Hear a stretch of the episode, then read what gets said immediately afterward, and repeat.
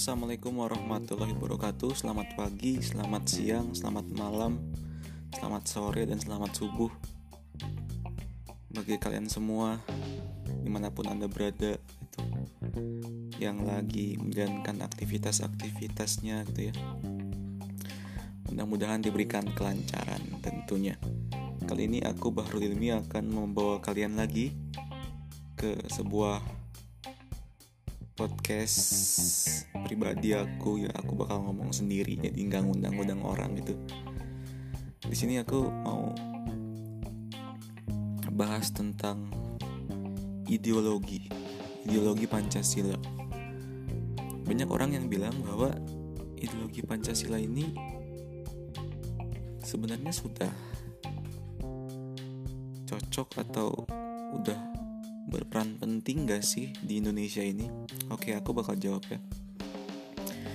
Jadi gini, Pancasila itu kan ideologi negara ya, teman-teman. Ideologi negara itu juga harus disesuaikan dengan kondisi negaranya. Pancasila bagus di Indonesia, tapi belum tentu bagus di Malaysia. Pancasila bagus di Indonesia, tapi belum tentu bagus di Korea Utara.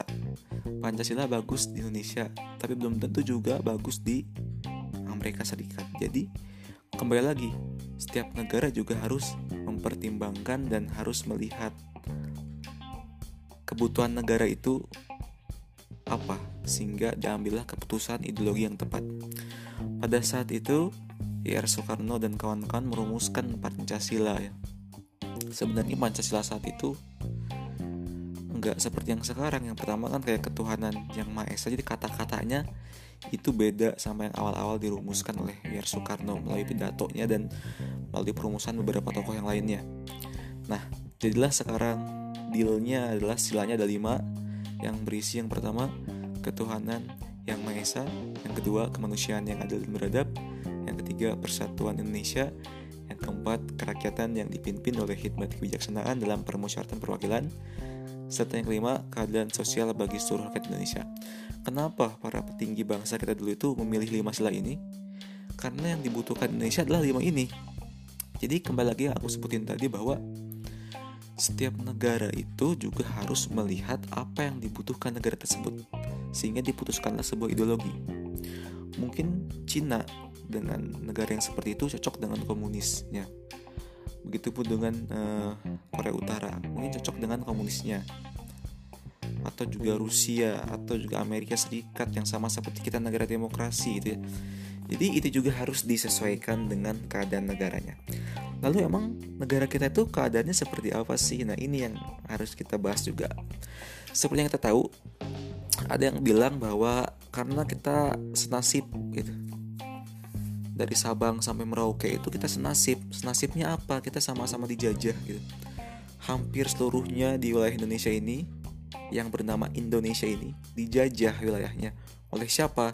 Ya dulu seperti kita tahu ada dari Belanda, ya, dari Inggris, dari Portugis, dari Jepang gitu ya. Pernah ke Indonesia untuk menjajah itu. Nah, karena ada kesamaan senasib itu pernah dijajah sebagai orang-orang Melayu kan sebutannya dulu Indonesia orang Melayu gitu. Apalagi darat daratan yang di Sumatera Jawa itu sebutannya Melayu juga di situ karena ada rasa senasib jadilah gitu pemikiran untuk udahlah gitu berjuang bersama aja. Makanya dulu kan ada kayak awalnya kan mereka melawan penjajah itu cuman masing-masing aja buat ngebela daerah masing-masing. Tapi karena dipikir-pikir ini kita sama dijajah sama orang tertentu ya. Misalkan wilayah A dijajahnya sama Belanda daerah H atau daerah C juga sama dijajahnya sama Belanda ya karena sama sama ya udah kita kerja sama aja gitu bersatu apa salahnya gitu. untuk mengusir penjajah yang sama itu. Khususnya mungkin yang paling berkenang ah jangan paling berkenang kalau berkenang kayak seakan-akan indah ya.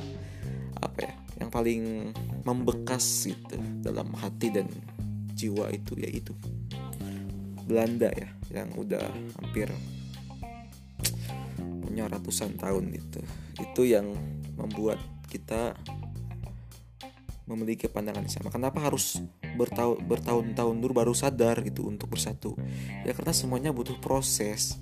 Zaman dulu itu nggak nggak kayak zaman sekarang. Zaman sekarang itu kita dapat informasi dari titik A udah bisa kesebar ke segala titik gitu. Contohnya aja tadi misalkan ada gempa di uh, daerah Jawa Timur Jawa Tengah itu dari laut ya dari laut di mana itu di bawahnya itu kerasa di Malang dan Malang paling terdampak. Itu langsung kan selang beberapa menit langsung ada kabar ke mana-mana lewat, lewat HP tapi bayangin aja zaman dulu terpisah pulau telekomunikasi juga kurang ya teknologi. Jadi kita nggak tahu satu sama lain nasibnya gimana gitu. Oh kita nggak tahu oh ternyata mereka juga sama kayak gitu kayak kita. Nah itu butuh waktu kita untuk tahu hal itu gitu. Makanya juga ya maklumin aja kalau sampai bertahun-tahun. Lalu berikutnya juga karena ada rasa senasib itu ya karena keadaan Indonesia sendiri. Jadi karena Indonesia ini bersatu atas keragaman maka keragaman inilah yang sebenarnya menurut aku tuh salah satu faktor utama kenapa ideologi itu diambil ideologi Pancasila itu. Jadi gini karena Indonesia dari Sabang sampai Merauke itu beribu pulau. Ya, banyak bahasanya. Beraneka ragam budayanya banyak beragam. Uh, apalagi ya? Rasnya sukunya agamanya etnisnya. Kekayaan alam masing-masing daerah itu sangat beragam dan berbeda-beda. Maka dari itu karena ada supaya tidak ada lagi rasa-rasa membeda-bedakan jadi terusunglah slogan Bineka Tunggal Ika jadi meskipun berbeda-beda tapi tetap satu gitu. Indonesia gitu. Jadi nggak kayak Aceh-Aceh Papua-Papua enggak tapi mau Aceh mau Papua mau Bali mau Balikpapan mau Bandung mau Jakarta mau Jogja Indonesia judulnya jadi bersatu. Jadi itulah salah satu peran penting Pancasila untuk menyatukan bangsa Indonesia. Dari mana sih terlihatnya? Terlihat dari sila ketiga. Kalau kita perhatikan persatuan Indonesia Inilah sila yang menentang disintegrasi nasional, yang menentang aksi-aksi separatisme, yang menentang terorisme gitu ya. Yang menentang juga hal-hal yang memecah apa kerukunan umat beragama. Inilah peran sila ketiga. Lalu kalau kita bicara peran sila ya atau nilai-nilainya, kita juga bisa bahas satu persatu. Misalkan yang pertama kita bisa bahas tentang ketuhanan yang Maha Esa. Gimana sih ketuhanan yang Maha Esa? Nah, ketuhanan yang Maha Esa di sila pertama itu mengandung nilai-nilai juga teman-teman. Nilai-nilai yang dapat diimplementasikan atau diharapkan dilakukan itu sebagai kita sebagai warga negaranya. Baik itu pejabat baik kita yang sendiri rakyat biasa gitu seperti apa sih sila pertama? Karena sila pertama berbunyi ketuhanan yang Maha Esa artinya kita diperkenankan untuk percaya Tuhan yang satu gitu. Artinya banyak agama di Indonesia ada Islam ada Kristen Konghucu Buddha Hindu dan lain sebagainya. Dan itu juga tidak memaksakan kita hanya pokoknya gara-gara apa Indonesia ini pejuangnya rata-rata Islam pokoknya semua harus Islam. Yang masuk Indonesia enggak gitu. Jadi Indonesia lebih mengutamakan siapa pun mereka mau sebagian besar mau sebagian kecil apa pun itu kalau misalkan berjuang demi demi kemajuan dan keselamatan bangsa itu udah dihargai gitu. Itu pemikiran para tokoh-tokoh dulu sehingga Kristen, Buddha, Hindu semuanya disamaratakan itu akhirnya di sila pertama itu tertulis bahwa uh, pengimplementasian atau nilai-nilainya itu agar setiap warga negara itu punya kebebasan untuk memilih agamanya diperkenankan untuk meyakini Tuhan gitu ya. Sebagai rasa syukur karena memberikan Indonesia dalam keadaan yang sekarang ini merdeka gitu. Selain itu juga dalam pengimplementasiannya nilai-nilai itu nilai-nilai Pancasila, apa Pancasila sila pertama kita juga diperkenankan untuk melakukan ibadah sesuai itu. Jadi kalau ada kata-kata sesuai itu artinya ya kalau kita Islam ya udah ya gak meskipun kita tahu kita hidup berbarengan tapi udah aja kalau meskipun kita Islam ya Islam kita sholat puasa ngaji Quran. Jangan sampai kita ikut uh, ke gereja ibadah gitu. Jadi yang sesuai dengan kepercayaan masing-masing. Begitupun dengan Kristen ke gereja ming, uh, biasanya suka hari Minggu atau Jumat apa ya aku nggak tahu istilahnya. Yang jelas nah dalam sila ini tuh ada yang mensalah artikan tentang toleransi ya, dan akulturasi itu kalau toleransi itu emang diperlukan antar umat beragama. Tapi bukan berarti gini. Ada yang bilang ini ada satu cerita ya ada salah satu gereja di Indonesia atau pernah juga kesebar di media sosial gitu ya. Dia ini lagi kayak biasanya kan di gereja suka ada nyanyian-nyanyian itu pemujaan apa aku nggak ngerti pokoknya kayak nyanyi-nyanyi gitu ya. Nah jadi yang nyanyinya itu orang-orang Kristennya tapi yang main musiknya orang-orang Islam.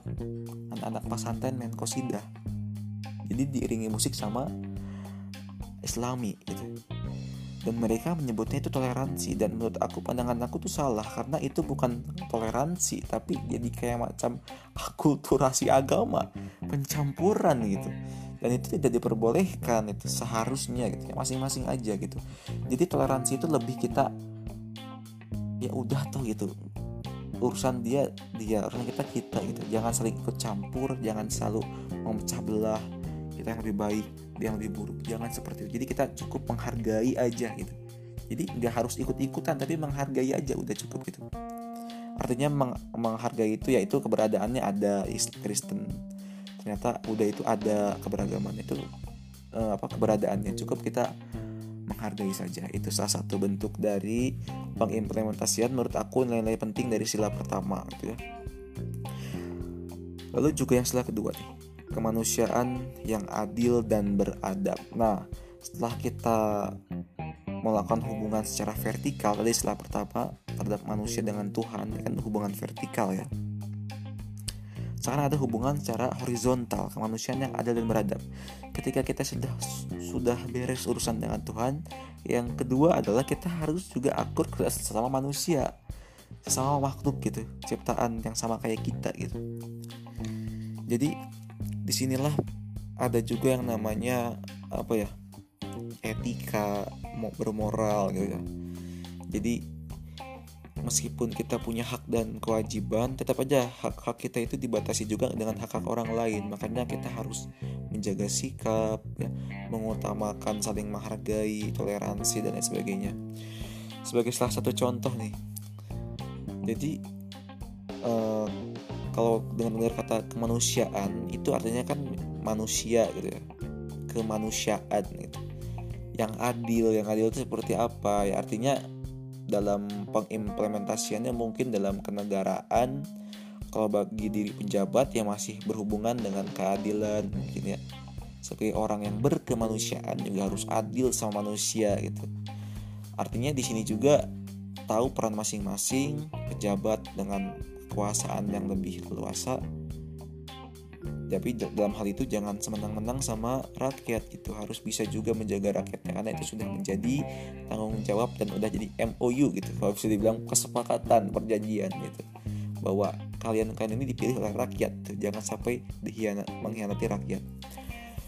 Dan beradab nah ini beradab sangat penting gitu ya. Bagaimana kita menjaga sikap. Jadi sebenarnya sila kedua itu juga berhubungan dengan sila pertama sangat berhubungan. Karena sila kedua ini juga udah mengandung nilai-nilai religius itu. Mengenai kejujuran adab etika gitu ya. Itu sih gitu. jadi bagaimana kita menjadi manusia yang baik itu berakhlak gitu budi pekerti. Lalu yang sila ketiga nilai sila ketiga itu mengenai persatuan Indonesia. Nah inilah salah satu yang penting dan salah satu sila yang sering tercoreng gitu kalau kita lihat di berita-berita saat ini gitu. Kalau kita dengar dari namanya Persatuan Indonesia, artinya negara ini itu mengutamakan yang namanya kesatuan dan persatuan, mengintegrasi atau integrasi nasional ya, bersatu di tengah keragaman. Artinya Indonesia tanpa persatuan itu nggak ada apa-apanya gitu. Justru Indonesia terkenal di pandangan dunia karena keragamannya, yaitu meskipun beragam ternyata Indonesia bisa bersatu juga ya. Itu kata orang-orang lain tuh gitu kata negara-negara luar. Makanya itulah menjadi keunikan dan kelebihan Indonesia. Dan atas hal itu harusnya kita menjaga dan bersyukur gitu. Ternyata Indonesia unik juga ya. Ternyata Indonesia apa ya keren juga gitu ya. Masyarakatnya beragam bermajemuk tapi bisa bersatu bisa terintegrasi. Keren banget gitu ya. Itulah Indonesia kita.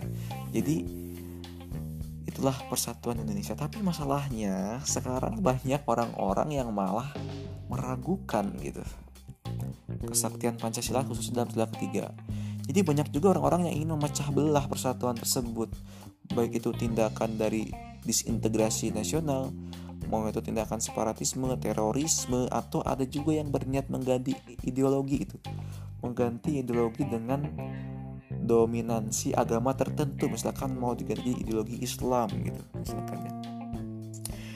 Yang mungkin banyak orang yang sependapat tapi kan bagaimanapun juga negara ini didirikan bukan hanya oleh Islam. Meskipun Islam mendominasi tapi tetap saja bahwa ada mereka-mereka yang bukan Islam mereka-mereka yang bukan suku-suku yang berkaitan dengan Islam yang ikut berjuang gitu. Jadi demi sebuah keadilan dan demi sebuah keindahan maka bersatu adalah satu hal yang pas gitu. Dan itulah ideologi Pancasila.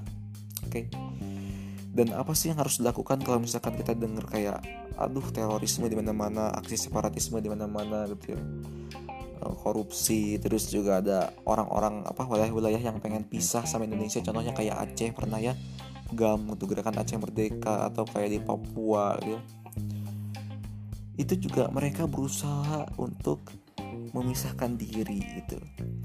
Tapi kebayang gak sih uh, apa sih yang menjadi sebab mereka ada pemikiran pengen memisahkan diri di Indonesia? Itu pernah kepikiran seperti itu karena apa? Coba kita perhatikan dalam segi geografisnya. Aceh itu ada paling kiri ada paling barat Indonesia sedangkan Papua ada paling timur Indonesia. Artinya apa yaitu mereka ada di daerah perbatasan yang paling luar. Artinya, banyak yang bilang bahwa wilayah yang paling jauh dari pusat pemerintahan itu riskan dalam uh, pemerlakuan itu. Jadi banyak yang ini salah satu buktinya Papua. Kemajuan pendidikan di Papua itu kan jalah kalah jauh sama kemajuan pendidikan di Pulau Jawa. Artinya apa? Artinya pusat pemerintahan juga uh, berpengaruh gitu semakin jauh ya semakin susah gitu pemerintah pusat untuk mengan, me, apa, memantau langsung gitu.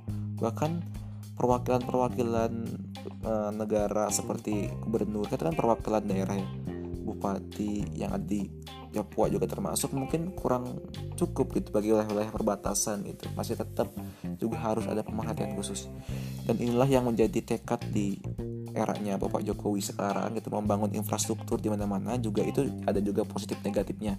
Positifnya juga selain bisa mengakses itu jalan-jalan yang sulit ditembus gitu. Bagi wilayah-wilayah Papua, Kalimantan ya. Jadi agar orang-orang yang apa ya wilayah-wilayah yang belum pernah tereksplor tereksplor gitu. Akhirnya bisa terekspor juga dan bisa terjangkau dan dari situ juga pemerintah bisa memikirkan tindakan-tindakan apa ke depannya kayak gitu. Jadi gitu ada manfaatnya. Dan mungkin kalau negatifnya tentang tol ya kalau aku pribadi mungkin kayak yang terlalu tergesa-gesa membuat banyak tol tanpa melihat dulu perkembangannya dan keefektivitasannya karena kenyataannya truk-truk mobil-mobil itu lebih enak ke jalur pantura justru daripada ke tol gitu. Nggak tahu kenapa gitu ya. Karena bayangkan aja kayak misalkan tol Trans Jawa atau Trans Sumatera itu ya yang panjang itu wah pokoknya hampir satu Sumatera itu. Emang udah jadi udah disahkan. Cuman yang jadi pertimbangan itu rest areanya udah banyak belum gitu kan. Pernah gak sih kebayang gitu karena kan yang rest area itu juga bukan hanya mikirin ada lapak buat parkir nggak gitu aja. Misalnya rest area ada orang yang berjualan atau ada juga Indomaret pom bensin atau ada juga kayak minimal dan di sepanjang satu tol itu biasanya banyak rest area gitu ya. Di beberapa kilometer ada lagi rest area. Yang aku pikirin meskipun pemerintah atau di tol itu udah ada tempat untuk rest area tapi apakah udah ada gitu kayak misalkan minimar minimarket atau warung-warung atau misalkan ini. Karena itu yang justru penting itu kayak musola gitu. Itu kan istirahat itu bukan hanya kita diem sejenak gitu. Dan menurut aku itulah yang mungkin yang buat aduh ini perjalanan ke tol ini jauh tapi rest areanya belum ada apa-apa. Takutnya nanti salah tri takutnya kelaparan di jalan ya udahlah pilih jalur pantura aja gitu. Banyak juga ya pemikiran kayak gitu ya kan Lalu udah gitu kita lanjut lagi. Itu setelah ketiga itu sangat penting ya teman-teman. Karena kita kalau pengen maju Mau nggak mau kita juga harus bikin persatuan Indonesia gitu. Jadi gini Jadi apa ya kita, e, Bersatu itu adalah kondisi tubuh Indonesia misalkan. Kalau kita nggak bisa bersatu Berarti kita nggak bisa adil sama tubuh sendiri. Kita nggak bisa adil dan nggak bisa akrab sama tubuh sendiri. Kalau kita nggak bisa akrab dan nggak bisa adil sama tubuh sendiri mau gimana kita mengurusin hal-hal yang di luar itu? Gitu kan. Jadi jangan terlalu berekspektasi dan terlalu banyak cita-cita lah. Kalau misalkan integrasi aja masih banyak terancam gitu. Itu poin yang pertama. Jadi yang harus dilakukan itu adalah persatuan dulu. Harus bersatu dulu. Harus akrab. Harus solid dulu. Udah gitu barulah bersama-sama mewujudkan cita-cita yang ada di Undang-Undang Dasar di pembukaan Undang Dasar 1945 dan cita-cita yang sama ini sama ini digaungkan oleh kementerian ya, tentang Indonesia Emas 2045 lah dan lain sebagainya atau Industri 4,0 itu 4.0 dan lain sebagainya. Itu yang harus diperhatikan dan Insya Allah kalau udah bersatu kita bisa sama-sama fokus nggak ke diri sendiri nggak ke diri sendiri tapi ke depan gitu. Jadi nggak masalah internal terus yang di yang di terus ada di berita itu. Yang keempat kerakyatan yang dipimpin oleh hikmat kebijaksanaan dalam permusyawaratan perwakilan. Nah ini tentang kerakyatan ya. Jadi karena kita penduduk banyak pemimpin-pemimpin setiap daerah juga banyak sekarang saat yang dipertanyakan adalah uh, bagaimana seorang pemimpin tersebut benar-benar mengutamakan rakyat yang dipimpin gitu. Jadi rakyat-rakyat ini kan dipimpin oleh seorang pemimpin. Jadi kan kalau zaman sekarang tuh banyak tuh yang korupsi dan lain sebagainya itu harusnya menjadi miris gitu ya. Bagi beberapa sila melanggar sila pertama juga pula gitu. Karena kan para pejabat itu biasanya disumpah ya ini paling miris nih. Ketika disumpah Al-Quran itu apakah mereka nggak pikir setelah melakukan korupsi apakah dia nggak mikir dulunya dia pernah disumpah itu kan? Aduh miris banget tuh. Sama Indonesia kayak apa ya? Indonesia itu sama Tuhan aja nggak takut gitu. Jadi apalagi sama manusia aduh udahlah. Jadi kayak gitu. Itu yang harus kita renungkan. Makanya pendidikan itu penting gitu teman-teman ya untuk mengedukasi Lalu juga di sila keempat itu mengajarkan kita untuk selalu menyelesaikan masalah itu dengan hati yang tenang dan dengan kepala dingin itu. Jangan sampai emosi, jangan sampai melakukan apa pun itu dengan tawuran itu ya. Jadi di poin keempat itu juga mengajarkan cara berdemokrasi yang baik dan benar, mengutamakan mediasi, mengutamakan musyawarah, mufakat itu ya.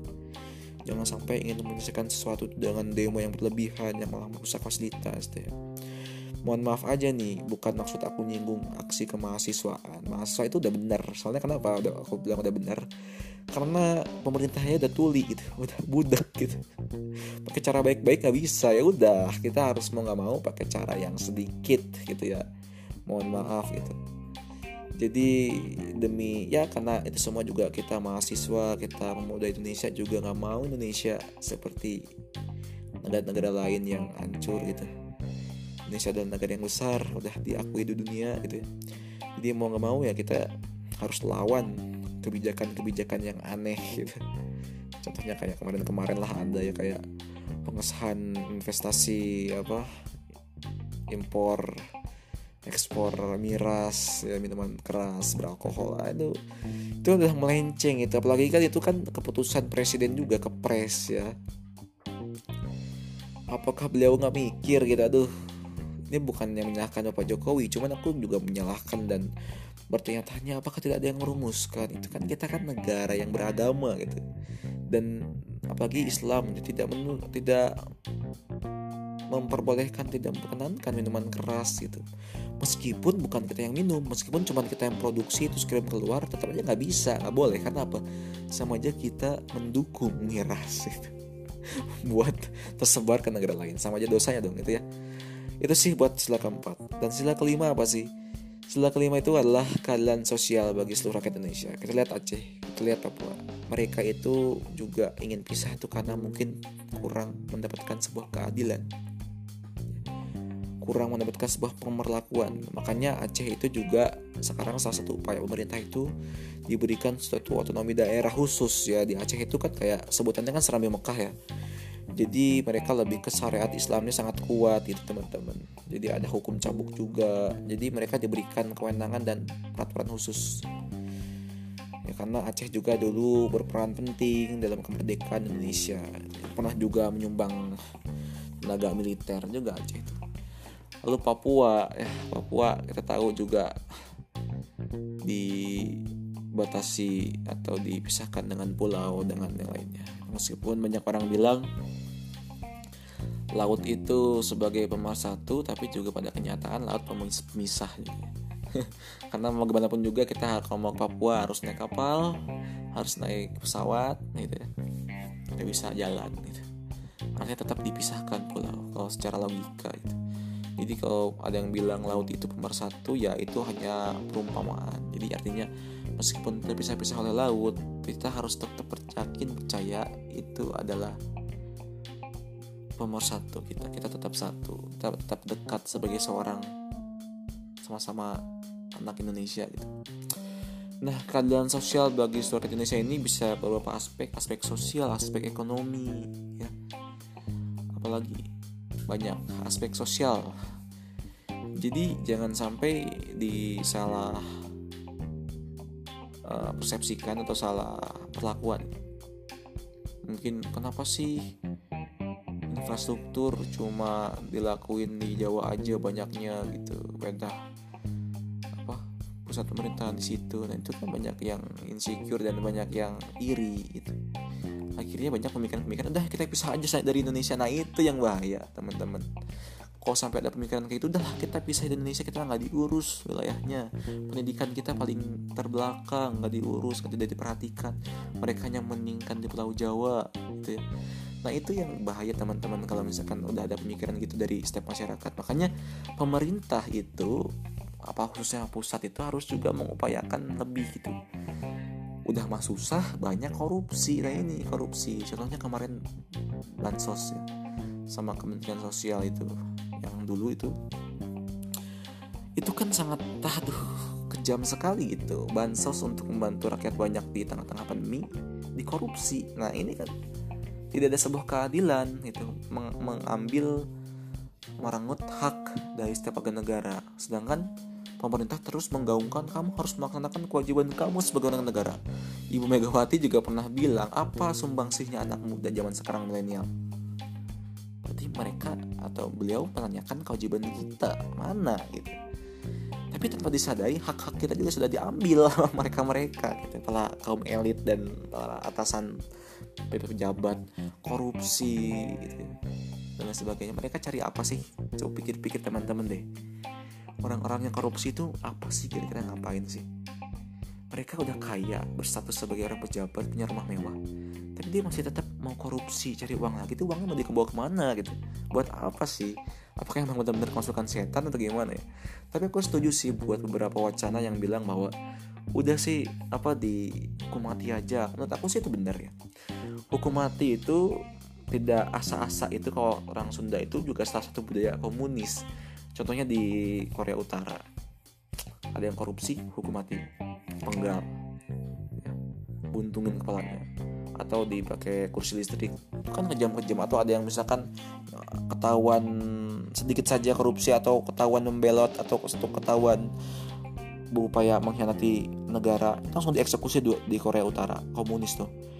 Tapi bukan berarti kita harus komunis enggak. Tapi kita harus ambil sisi positifnya aja. Oh itu bisa dilakukan ya udah lakukan do. Do what you want to do. Selagi itu bagus ya lakukan gitu. Gak usah lah. Sekarang gengsi-gengsian gitu. Zaman kita negara demokrasi gitu. Tapi tetap aja kalau misalnya ada hal-hal baik dari ideologi lain dan masih cocok-cocok aja sama ideologi kita ya boleh-boleh aja. Contohnya kayak hukuman mati ya tidak ada kata maaf. Itu bagus juga. Mensos itu juga bisa jadi hukum mati gitu. karena udah menjadi aksi yang sangat kejam gitu. Itu sih teman-teman. Jadi intinya sila-sila itu di Pancasila itu tidak pernah mengkhianati rakyatnya. Ideologi Pancasila benar-benar dirumuskan secara matang oleh para pendiri bangsa kita sehingga ideologi ini memang sangat cocok dengan kondisi yang ada sekarang. Makanya buat para kalian yang mau berusaha memecah belah dan mengganti ideologi coba deh pikir coba deh kaji lagi nilai-nilai Pancasila. Apalagi buat kalian yang ingin mengganti ideologi ideologi agama tertentu coba deh kalian kaji lagi. Apa salahnya Pancasila? Pancasila ini juga sudah kayak agama juga. Jadi Islam eh, misalkan Islam. Islam itu sebenarnya apa ya?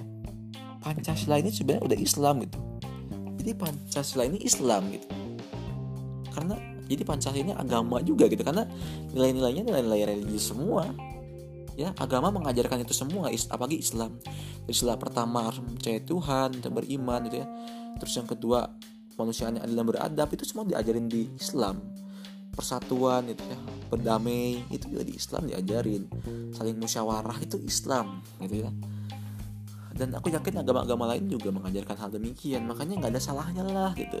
Sama aja kok kita mau ideologinya judulnya Islam mau judulnya Pancasila itu sama-sama aja isinya. Jadi nggak ada salah nggak ada salahnya. Yang penting kita itu dapat mengimplementasikan nilai-nilai yang ada di Pancasila di kehidupan sehari-hari sehingga negara kita dapat maju gitu teman-teman ah jadi kayak nge-rap yang ngomong kayak gini. Soalnya greget juga ya kalau udah ada yang di otak mau diomongin keluar itu uh, pengen bener-bener dikeluarin semua gitu teman-teman. Jadi itu sih ya tentang aku bahas tentang ideologi Pancasila ini self podcast ya. Aku ngomong sendiri. Ya aku nggak ngomong sendiri sih ngomong sama kalian yang denger nanti ya. Jadi itu sih ya teman-teman Pancasila sebagai dasar negara Indonesia Oke teman-teman. Mudah-mudahan buat teman-teman yang udah denger Podcast aku ini Mudah-mudahan Bisa diambil manfaatnya dan dibuang negatifnya. Aku mengakui aku ngomong kayak gini juga Bukan siapa-siapa. Aku hanya mengutarakan apa yang aku tahu dan apa yang aku pikirkan. Jadi sekali lagi aku ingetin setiap orang punya pandangan yang berbeda. Jadi kalian cukup saling menghargai aja tapi kalau aku nanti ada yang salah tolong dong nanti di komen dan dikoreksi oke okay? dan buat kalian yang pengen ada masukan-masukan podcast apa bahas apa sama siapa kalian bisa um, WA ke nomor aku 081223885628 atau bisa melalui Instagram aku gitu ya jadi cukup sekian aja.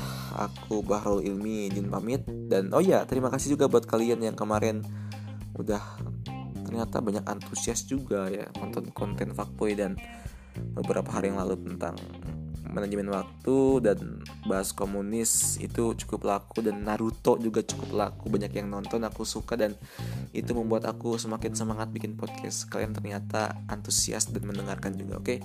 Terima kasih. Aku baru ini pamat. Eh pamat ya. Mau ngomong tamat.